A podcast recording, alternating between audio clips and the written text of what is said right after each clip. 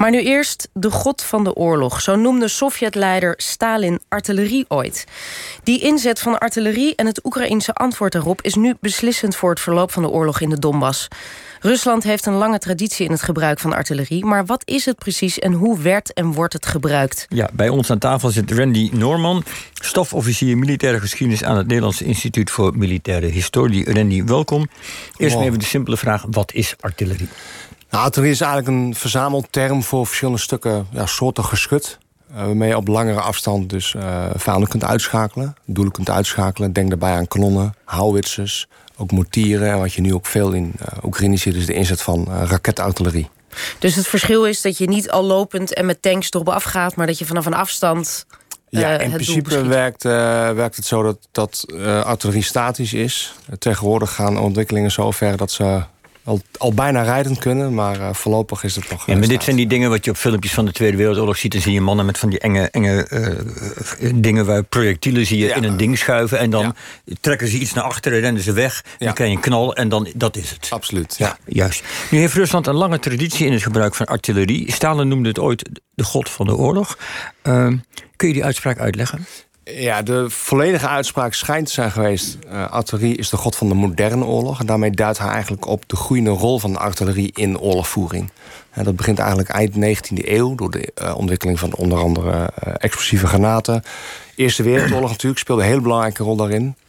En de rol van de artillerie is dan voornamelijk ook om de vijandelijke loopgravenlinie te doorbreken, daar een bres in te slaan met de artillerie, zodat je daar volgens doorheen kunt breken. En moeten we ons dan voorstellen, zoals het, het vaak gaat, die artillerie schiet net zo lang tot een vijandelijke loopgraaf min of meer naar de donder is. En dan rukken je mannen op en dan weer de volgende artillerie aanval en dan weer oprukken. Is, is dat ongeveer de bedoeling? Nou, er zijn verschillende tactieken voor ontwikkeld. Uh, maar in principe komt het er wel op neer dat je wil een zwakke plek creëren in die, in die linie van de tegenstander. En, uh, zodat je daar doorheen kunt breken. Dus ja, dat, dat, dat, het gaat niet zozeer om de tijd, het gaat ook meer om de intensiteit van de artilleriebarrage. Nou wordt de slag om Berlijn uh, ook vaak genoemd als voorbeeld. Ja. Uh, kun je daar iets over zeggen? Ja, daar hebben de Sovjets 9000 artilleriestukken ingezet over een frontbreedte van 28 kilometer. Dus elke drie meter één ja, artilleriestuk. En dan hebben ze als inleidende beschieting voor de, ja, de eindfase zeg maar, van de oorlog, het laatste offensief tegen Nazi-Duitsland, de slag om Berlijn. Um, uh, hebben ze in 30 minuten tijd 500.000 granaten afgeschoten. Dat is ook echt de grootste artilleriebarrage uit de militaire geschiedenis. En was dat, was dat, hoe werd er in die tijd naar gekeken? Was dat nieuw? Nee, eigenlijk niet. Eigenlijk zie je, en, dat, en daar sluit die uitspraak van Stalin ook al op aan... is dat die rol blijft steeds toenemen. Maar, maar werd er niet... Kijk, als nu zo'n artillerieaanval is... dan zeggen we allemaal, wat een stelletje klootzakken. He, om gewoon, want je raakt iedereen. Ja. Uh, hele stadsdelen worden neergeknald. Dat ja. zal in Berlijn ook gebeurd zijn. Werd daar geen schande van gesproken? Was er ontzetting over deze manier van oorlog voeren? Uh, minder, of de... Er werden natuurlijk heel veel steden ook plat gebombardeerd in die tijd. Kijk naar Tokio, uh, Hiroshima, Nagasaki, maar ook Dresden, Hamburg. Dus, dus het, het, uh, wat wij nu collateral damage noemen, nevenschade aan, met burgerdoden en het, het vernietiging van, van steden en monumenten en dergelijke. Ja, daar werd toen anders tegen aangekeken dan nu. Nu houden we daar meer rekening mee. Althans, wij nog net iets meer, wij in het Westen, dan de Russen. Zoals we laatst ook in Mariupol hebben gezien. Ja, want als we bij die Russische geschiedenis blijven... dan wordt ook de Tweede Tsjetsjeense oorlog... Uh, die vrij recent nog heeft plaatsgevonden... als voorbeeld van artilleriegebruik uh, genoemd. Wat gebeurde daar? Nou, tijdens de Eerste Tsjetsjeense oorlog... Uh, als ze voor het eerst Grozny aanvallen op Oudjaarsdag 1994... dan gaan ze eigenlijk met een aantal kolonnes... proberen ze de stad in te komen... en zo de stad makkelijk in te nemen eigenlijk. Nou, dat mislukt. Uh, daar leiden de Russen heel veel verliezen. Volgens zijn ze een aantal maanden bezig ook om de stad alsnog in te nemen. En dan in de Tweede Tsjetsjeense oorlog in 1999... dan begint eigenlijk de, de tweede slag om Grozny op uh, eerste kerstdag. En dan gaan ze eigenlijk de stad eerst omsingelen en afgrendelen van de buitenwereld. En dan gaan ze met gebruik van heel veel zware artillerie... gaan ze systematisch, stukje voor stukje, gaan ze de stad innemen. Waarbij ze dus eerst delen van de stad gewoon echt kapot schieten. En daarna laten innemen door de infanterie. En een belangrijk doel daarvan is dus ook om dat de verliezen... aan de eigen zijde, om die zo laag mogelijk te houden. Het aantal Russische soldaten. Ja, dat je dus niet eigenlijk... dat je de situatie als je als infanterist naar binnen trekt... zo ongevaarlijk mogelijk is. Dat is, dat ja. is het plan. Ja. En die tactiek wordt nu ook weer gehanteerd? Uh, als het uh, gaat om het, om het uh, belegeren of het, of het innemen van steden, ja, absoluut. Ja. Nou is er inmiddels uh, ja, veel veranderd, zeker sinds uh, de Tweede Wereldoorlog in het ja. gebruik uh, van die artillerie. Je hebt je verdiept in, dat, in, in die afgelopen 30 jaar, eigenlijk tot aan 2014. Ja. Wat, wat is er grofweg veranderd als we het vergelijken met nou ja, bijvoorbeeld de Tweede Wereldoorlog? Nou, je ziet dat de Russen eigenlijk eind jaren 80, begin jaren 90, dus tegen het einde van de Koude Oorlog, nieuwe concepten beginnen te ontwikkelen. Met name ook met betrekking tot de inzet van artillerie. En dat komt uh, om de, de, de, aanleiding daarvoor is de constatering dat vuurkracht nog altijd toeneemt. heb ik het niet alleen over de explosieve kracht van granaten, maar ook de rijkwijde van de artilleriesystemen uh, en de precisie. In 1991 is de Eerste Golfoorlog. Dat is de eerste oorlog eigenlijk waarbij in dit geval de Amerikanen op grote schaal precisiewapens inzetten en eigenlijk het Iraakse leger grotendeels op afstand al weten te vernietigen. De Russen zien dat en die komen tot de conclusie van... oké, als je dus je troepen heel dicht op elkaar gepakt op het slagveld neerzet... dan ben je dus heel erg kwetsbaar voor die artillerie. En de oplossing die zij gaan bedenken is dat ze hun eenheden meer willen gaan verspreiden over het slagveld. Dat noemen ze het gefragmenteerde slagveld. En een hele mooie manier om dat duidelijk te maken is een vergelijking of een voorbeeld te gebruiken van Lester Krauss, een Amerikaan, die heeft hier heel veel over geschreven. Die vergelijkt het met uh, Amerikaans voetbal versus Europees voetbal. Amerikaans voetbal is twee teams in linie tegenover elkaar. Uh, die willen de linie van de tegenstander doorbreken, terreinwinst boeken en een punt scoren. En die ouderwetsere vorm van oorlogvoering lijkt daarop... waarbij dus artillerie de rol heeft om uh, ja, die bres te slaan in die vijandelijke linie. En Um, ja, Europees voetbal lijkt veel meer op dat concept van dat gefragmenteerde slagveld. Waarbij dus de spelers, lees militaire eenheden, veel meer verspreid over het speelveld of slagveld, zeg maar, uh, opereren.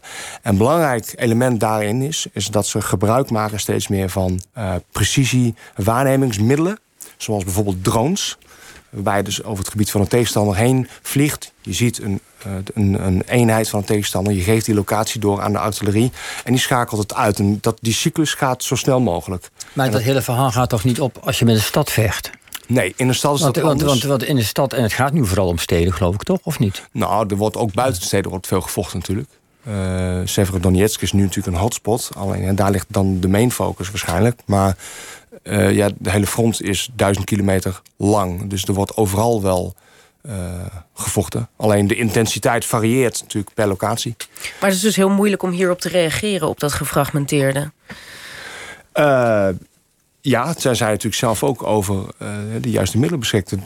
Je moet natuurlijk een goed beeld hebben van wat gebeurt er om jou heen. En daar kun je die sensoren voor gebruiken. Maar ik kan me zomaar voorstellen dat dit, dit, uh, deze uh, aan de ene kant degenen die beschoten worden, die zich zoveel mogelijk verplaatsen en, en zo'n breed mogelijk front maken. En aan de andere kant degene die schiet, dat je, nou, we schieten gewoon op alles. Nou, als je op alles schiet, dan schiet je ook op lege ruimte. Dus dan verspil je heel veel ja, munitie. Nee, okay. dus moet... ja. en, en dat is wat ik wilde zeggen. Daar gebruiken ze die middelen voor. Uh, bijvoorbeeld drones, om dus zo'n eenheid op te sporen. Uh, heel mooi voorbeeld, of mooi voorbeeld, geen mooi voorbeeld, maar een goed voorbeeld is de Zelempidia uh, in 11 juli 2014. Um, het begin van het conflict dus. Toen vloog een Russische drone over de grens heen. En die nam daar een Oekraïnse eenheid waar. Heeft de locatie doorgegeven. En daar is een, raketaanval op uitgevoerd van ongeveer drie minuten. Er zijn 30 Oekraïners omgekomen, 100 gewond geraakt... en 50 tot 60 voertuigen uitgeschakeld. Dus dat is heel even aan te geven hoe kwetsbaar je bent... voor deze moderne manier van optreden met artillerie... als je dus heel compact uh, ja, op, op één locatie bevindt, zeg maar. Nu ben je een militair historicus... maar je hebt ook uh, aan de lijve meegemaakt... hoe het is om artillerie van dichtbij uh, nou ja, mee te maken. Want je, bent ook, je was ook kapitein in het Nederlandse leger. Ik ben nu kapitein. Ik was hiervoor onderofficier. Ah. Ik heb zo'n 15 jaar bij de luchtmobiele brigade gewerkt. Meerdere keer op uitzending geweest. Irak, Afghanistan. En uh, met name de laatste keer in Oerskamp 2007 ook wel uh, ja, regelmatig uh, beschoten met raketten en mortieren, soms ook vrij dichtbij.